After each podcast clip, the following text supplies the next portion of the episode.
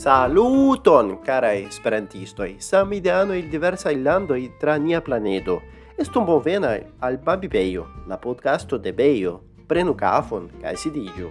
Asculto attenteme cion niai gasto diros, ciu pri la movado, ciu pri sei vivo, ciu pri io online, char por estas lingvo, ciu ne?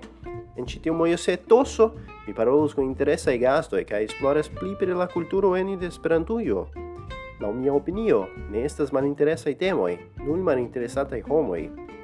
Per identiei vortoi, mi invitas fin ascolti citiun episodon. Profitu cae bonan auscultadon.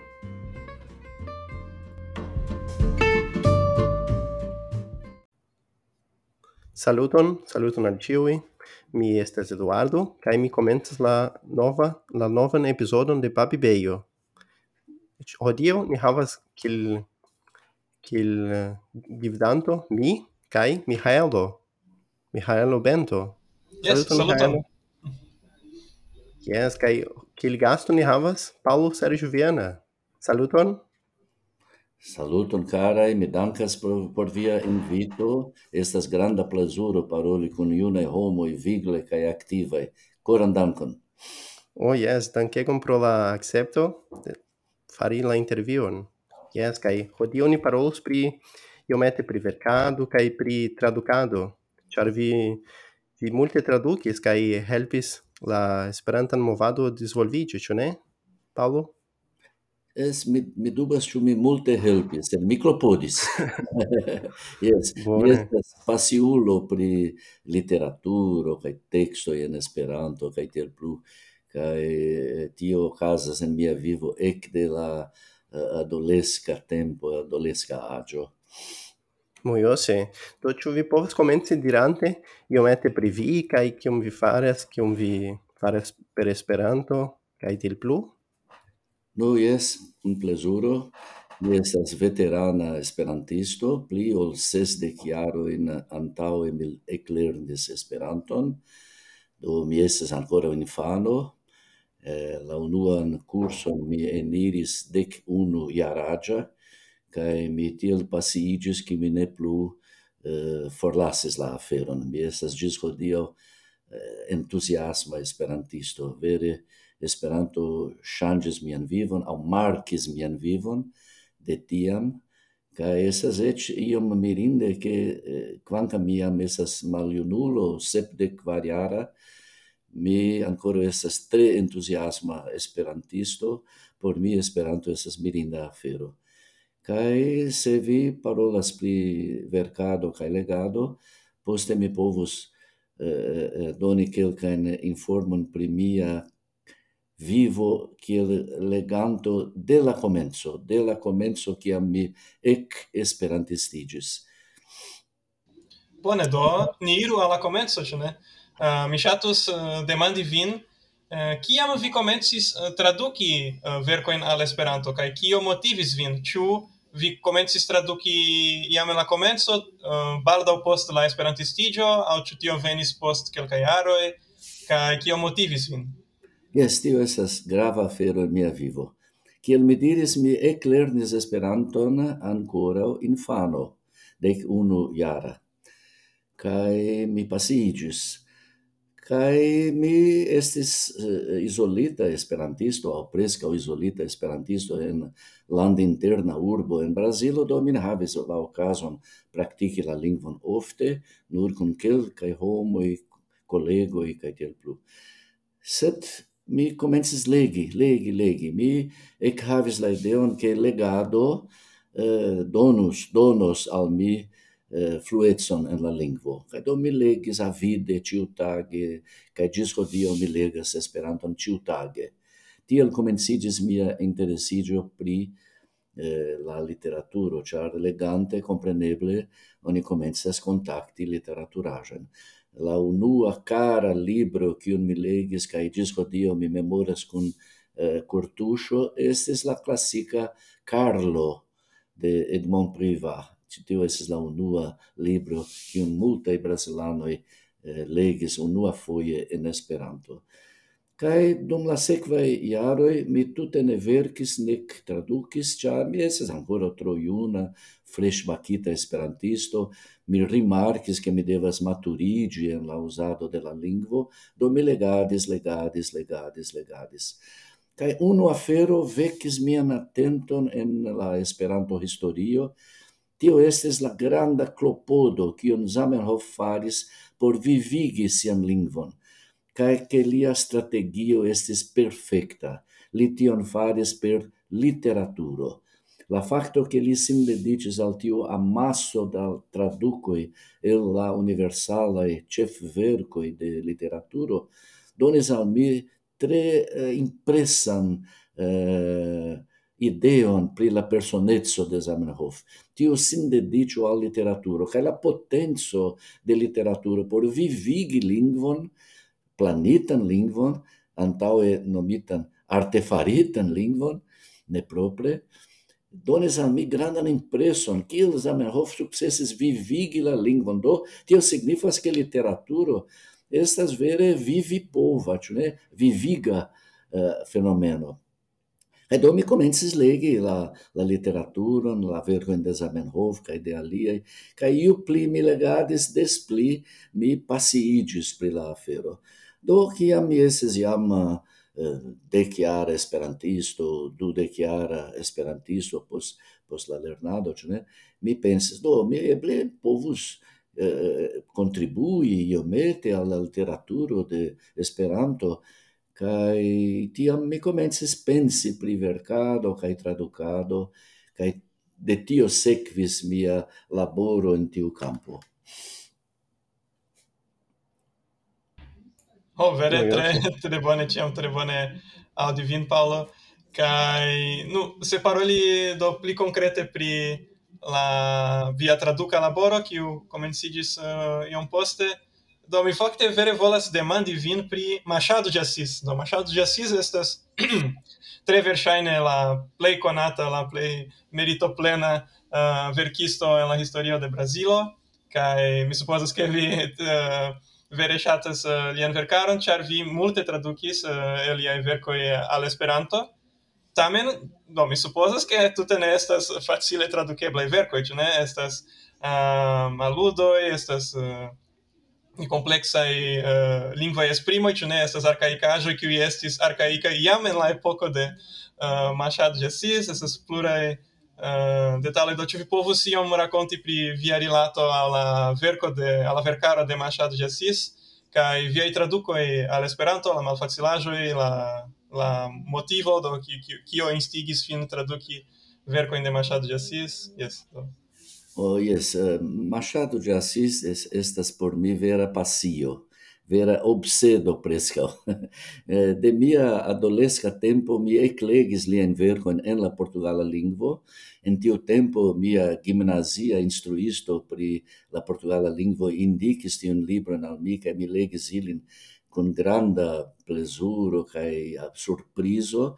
mi devas, uh, mi devas citi, confessi che ciam mi esis dec variara che mi unua foie legis tion bonegen romanon de Machado de Assis, mi appena perceptis la coloron de tiu literaturo. Poste mi devis relegi, ca relegi, ca relegi, ca poste, nur poste mi captis la essenzon de tiu mirinda literaturo. Kaj mi vidis que em Esperanto trovidias vercoi de Shakespeare, trovidias vercoi de klasikuloj ali kaj e kaj tiel plu, kaj presca ne estis eh, kiam mi estis juna, eh, tekstoj de Machado de Assis en Esperanto. Eh, gis hodio Machado Assis ne estas tre conata exterlande, quancam gi havas la saman nivelon de ciui grandai classiculoi en la monda literaturo. Do mi pensis, do, oni devus conigi almenau alla esperantistoi la literaturon de tiu mirindulo kiu estas Machado de Assis. E do mi komencis pensi, oh, mi devas traduci, mi devas traduci, per kio mi comenzu?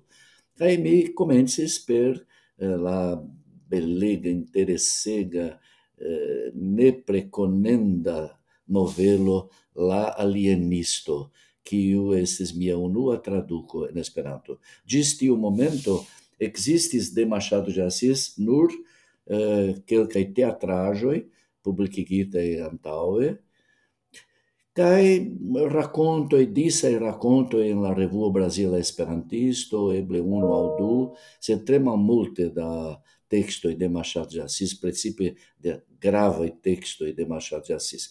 Do mi pensas mi devas almenaŭ traduki la gravajn, la lá la, la, la verkojn de la lasta fazo, de la realisma fase de Machado de Assis. Kaj mi komencis per la alienisto, kiun fonto publikigis uh, ah, ankoraŭ en la pasinta jarcento, ĉu ne? Bone, kai kio pri la malfacilaĵoj traduki tiujn yes. tekstojn? Mi supozas ke ne estis tre facile, ĉu? Eh, ne estas tre facile. Ĝi estas ne facila, kaj mi devas konfesi ke mi eh, ne estas mi, mi ne konsideras min sukcesa tradukinto.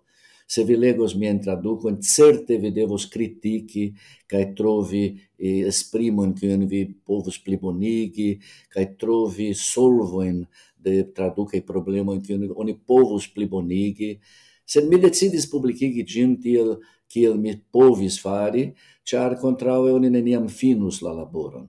Felice mi havis reviziintojn, inclusive en exterlando Uh, unu speciala revisiinto al kiu mi ŝuldas grandan dankon estis la premiita kaj uh, uh, tre konata fama Esperanto verkisto en el Svedujo, Sten Johansson. Li estis mia pluma amico, kia mi esis eh, junulo, eh, li estes pli mal pli samagia kiel mi, kai li bonvolis revizii la textoin de kiun mi traducis kaj faris multen correctoin, multen plibonigoin, sed ec tiel compreneble, char li ne sci, ne sti povas la portugala lingvon, tio certe oni povas plibonigi mian traducoin. mi estas modesta tradukanto kaj mi akceptas kritikon.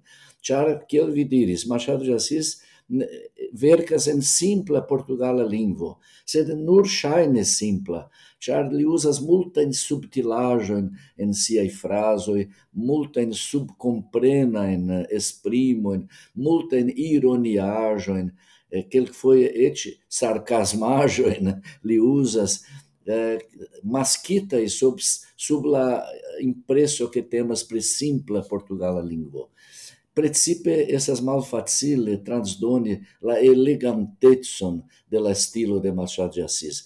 Li vercas per tre facile, leggera, ne ne dirus facile, sed leggera lingvo, tre eleganta, tre, tre flua en la portugala lingvo. Oni devas transdoni tion alla alla traduco cioè in esperanto kai tio anche tio ne esas uh, malfacila. Compreneble essas multa stum eh, captiloi en la texto de Machado de Assis kai certe mi fiasques en multe el tiui eh, captiloi. Ne estes facila. Eh, mi, mi memoras exemple che uh, uno el, el miei traducoi sendita alla revisinto eh, estes texto estes vorto en la portugala lingvo eh, balcão. Balcão essas tio tablo post quio restas la vendisto, ne? Kaj mi venas aceti kaj mi estas de unu flanco de la balcão kaj la vendisto de la alia flanco. Ĉu ne? Ĉu vi bone komprenas kio estas balcão en la portugala lingvo en vendejo, ĉu ne? Kaj kompreneble mi tradukis. Yes, terura fusciajo. Felice la revisiisto trovis che tio ne estas balcono, sed estas vendo tablo. Mi memoras bone pri tio, cae mi svitis de honto, che mi laulitere traducis balcão per balcono. sed multae tiae eh, eh eraroi ocasas al ciu traducanto, ce ne? Me memorias yes. um, um amigo meu que o, essas bonegas traduquisto eh, uh, ele foi deve traduzir uma taça de vinho, que ele traduz per taço da vinho. que taço tudo ne taugas portivas primas, né? Que foi ela falsa é amigo, né? La, la, la simila e vorto e trompas nin. Machado de Assis essas plena de captilo e por traducanto. do eh, ne atendu en traduco tradukoj perfektan eh, tekston. o, o, se vi faras mirin laboron, kai yes eh, krom tio mi ŝatus demandi, ĉu, ĉu pli gravas al vi verki aŭ traduki grandajn verkojn? Kion vi pensas? Bone, mi neniam successas verki eh, gravan textoin, grandan textoin, grandan mi amegas raconton che mi appena successas verki raconton, quelcaen esseoen, sed mi ne consideras min eh, in grava verkisto de originale textoi. Eh, mi havas nun tempe pretan texton con uh, eh, cent pagia uh, eh, racconto pri maliunuleio, eh, vivo de maliunuloi en maliunuleio, quiu consistas el du noveloi, tamen la du noveloi interplectigas, ca do oni, oni formas tutan libron per du noveloi, shai, nur shaine aparte. Do, kiel verkisto de originalae textoi mi estas iom malricia verkisto. Do, mi, mi laboris multe pli relate al traducoi ol al uh, originalae textoi. Tamen mi am havas tiun du collectoin de racontoi, cae lasta tempe la revuo La Ondo de Esperanto publicigis anco mien racontoin, ili, ili jam estas dec du racontoi en la numeroi de La Ondo de Esperanto, cae versaine la redaktoroi de La Ondo intensas eh, cunigi ilin en unu volumon, en eh, virtuala publicigo, eble tio aperos ankaŭ alia collecto de racconto e verkite por la ondo. Do uh, mi laboris multe pli pri tradukoj ol pli uh, pri originale verkoi Sed ni menciu ke vi havas ankaŭ personan blogon, ĉu ne? Kaj tie vi aperas sufiĉe ofte viaj belaj poeziaĵoj, ĉu ne? Do ankaŭ yes, tie vi agadas. Es facte mi consideras che vercado estas vera terapio, mem terapio. Mi mi tre recomendas tion kion Bobelarto non tempe anca recomendas, che homo devus verki, char vercado signifas belegan exerson, psican exerson eh, de, de la vercanto. Ciam oni vercas, oni automate devas pripensi pli profunde pri la temo considerata, privercata, oni devas uh, mediti pri gi kai exameni gin lau punto e kai pli profunde.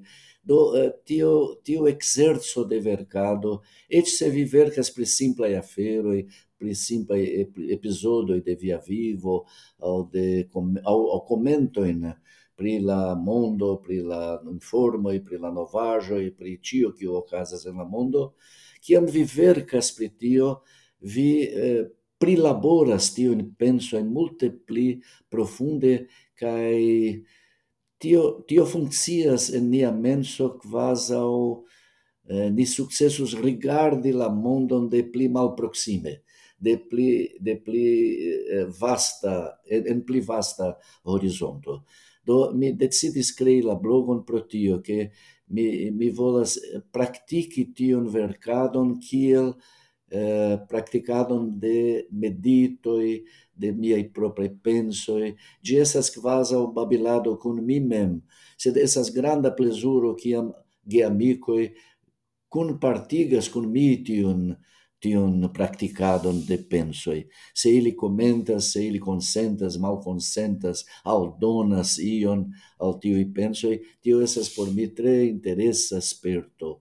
Do la blogo funccias tiel, kiel practicado de vercado en Esperanto, cae en la portugala lingvo, du lingve, cae de nove ofte mi scribas en, unue en la portugala, cae poste en Esperanto, foie inverse, do anca tio usado de du lingvo esas tre interesa uh, cerba uh, exerzo.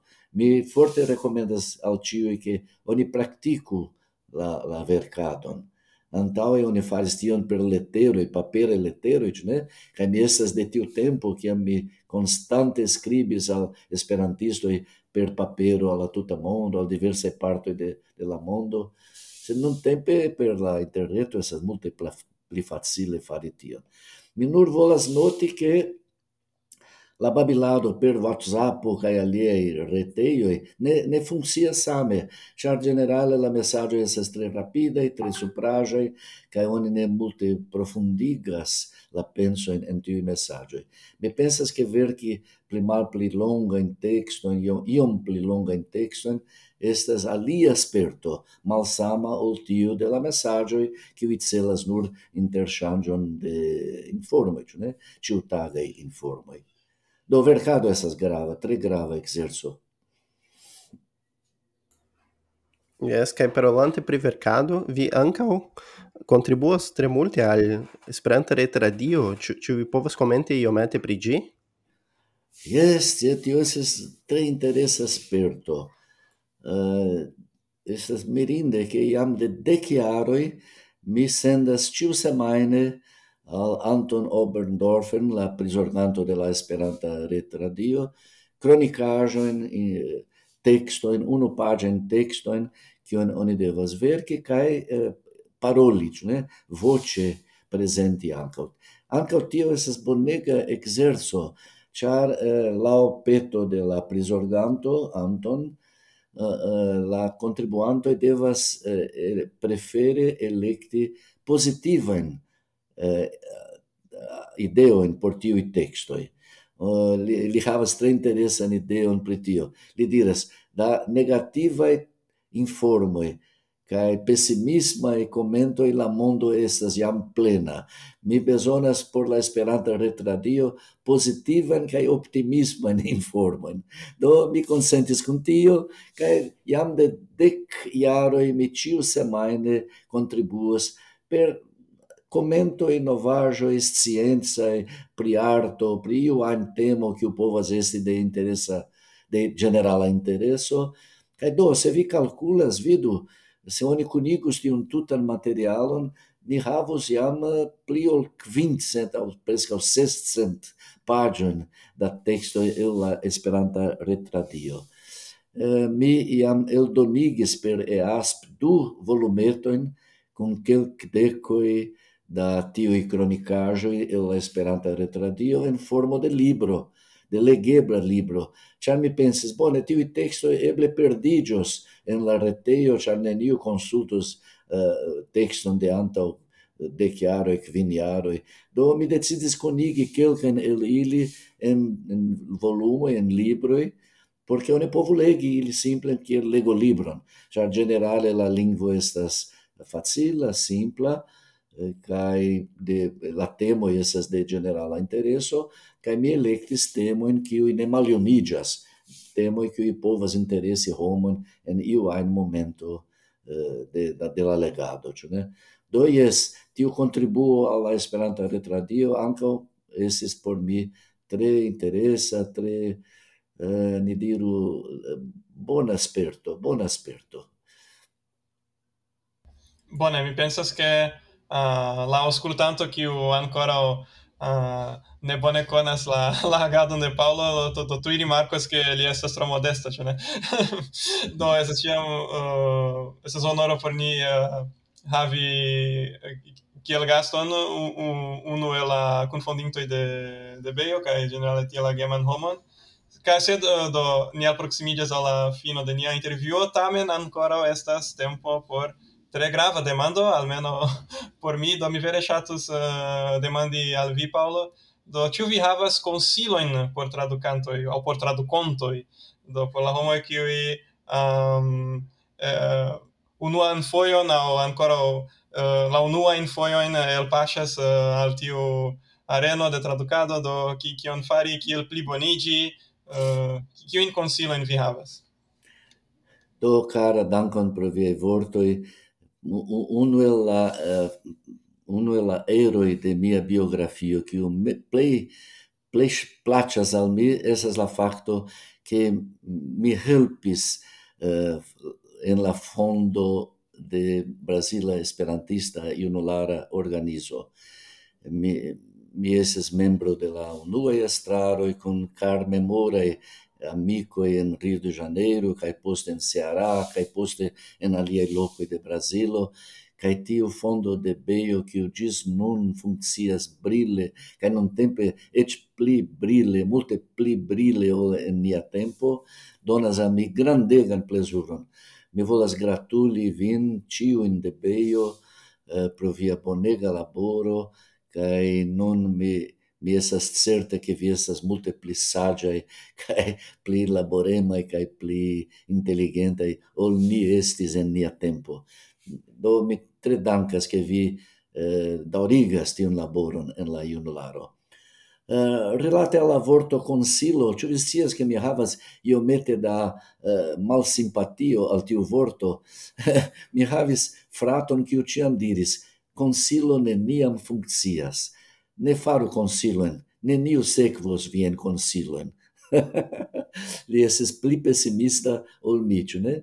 Do mi ne konsilos. Mi opinias que mercado, essas gravega, literatura, essas uma la play grava e afero em la mondo, mi timas que la num tempo e homo ne legas multe da libro e cari ele usa se um tempo longa por por interreto kai alia agado se mi consideras que literatura esas gravega ne nur por esperanto por ciu ein lingvo por la menso de la homo do se vi volas praktiki verkadon traducadon do unu evi devas legi. Kiom multe legi? Multe multege ciu tage ciu momente kiam vi povas. Mi devas diri al vi che quancam mi ne povas consideri min eh, modelo o exemplo, mi legas Esperanton, bona bonan texto de Esperanto, presque ciu tage de ses de chiaroi. E mi ancora ne, ne consideras min plena reganto de la e eh, e de la lingvo. Do, se vi volas praktiki literaturon, ciu vercadon, ciu traducadon, ciu esseadon, ciu poemuadon, po, poemadon. Eh, se vi volas vin dedici iom al literaturo, unue vi legu, legu multe, legu se ne nur atente, atentante pri la enhavo, pri la literaturo, pri la historio, pri la racconto, pri la intrigo de la texto, au pri la tiel nomata messaggio de la texto. Atento anche pri la maniero kiel la autoroi esprimas tion, pri la stilo, pri la lingvae elturnigioi de tiu autoro, Tio esas la plei bela afero en lingvo, en Esperanto. Esperanto esas tiel riĉa en eh, manieroj esprimi ideoin, che vi legas dum decoi da iaroi che vi ciam trovas novain manieroin, ricain manieroin esprimi ideoin. Do legu multe, tiel vi encapigos eh, iom, eh, iom post iom per mistera maniero la spiriton de la lingvo. la, la, la granda schlossilo por vercado cae productado de literaturo estas capti la spiriton de la lingvo. Se vi petos de mi, che mi defino, che mi defino kio estas la spirito de la lingvo, mi ne povas fari tion. Ŝajnas al mi ne neniu povas. Estas io ne tre clare esprimebla. Sed ciui kiuj eh, sin dedicas al profunda cae constanta legado de Esperanto scias pri kio mi parolas se vi iom post iom captos la spiriton de la lingvo, quio ne estas en la grammaticoi, quio ne estas en la lerno libroi, tiam vi estos preta por comenzo de vercado. Tion mi recomendas al vi. Legu, legu multe, Comenzo per la Zamenhofai traducoi. Mi cutimas diri che Hamleto de Zamenhof, cae la fabelo de Andersen de, de Zamenhof, traducita de Zamenhof, estas la plej bona supera curso de Esperanto kiun mi jam vidis. Do komencu per la verkoj de Zamenhof kaj de aliaj eh, Esperanto klasikuloj. Jen la vojo. Ĉi tio ne estas konsilo, ĝi estas sugesto. Bonege, do con tiui saĝaj vortoi ni chatus fini la episodon. Paulo. Ĉu vi ŝatus demandi ion, Mihaelo?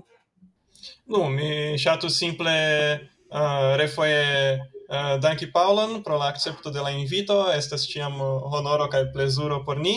Kaj do por la e do tio, la tiu ci intervjuo estu invito al vercado traducado kai anca al legado de la de Paulo, ne? Do ĝis la venonta.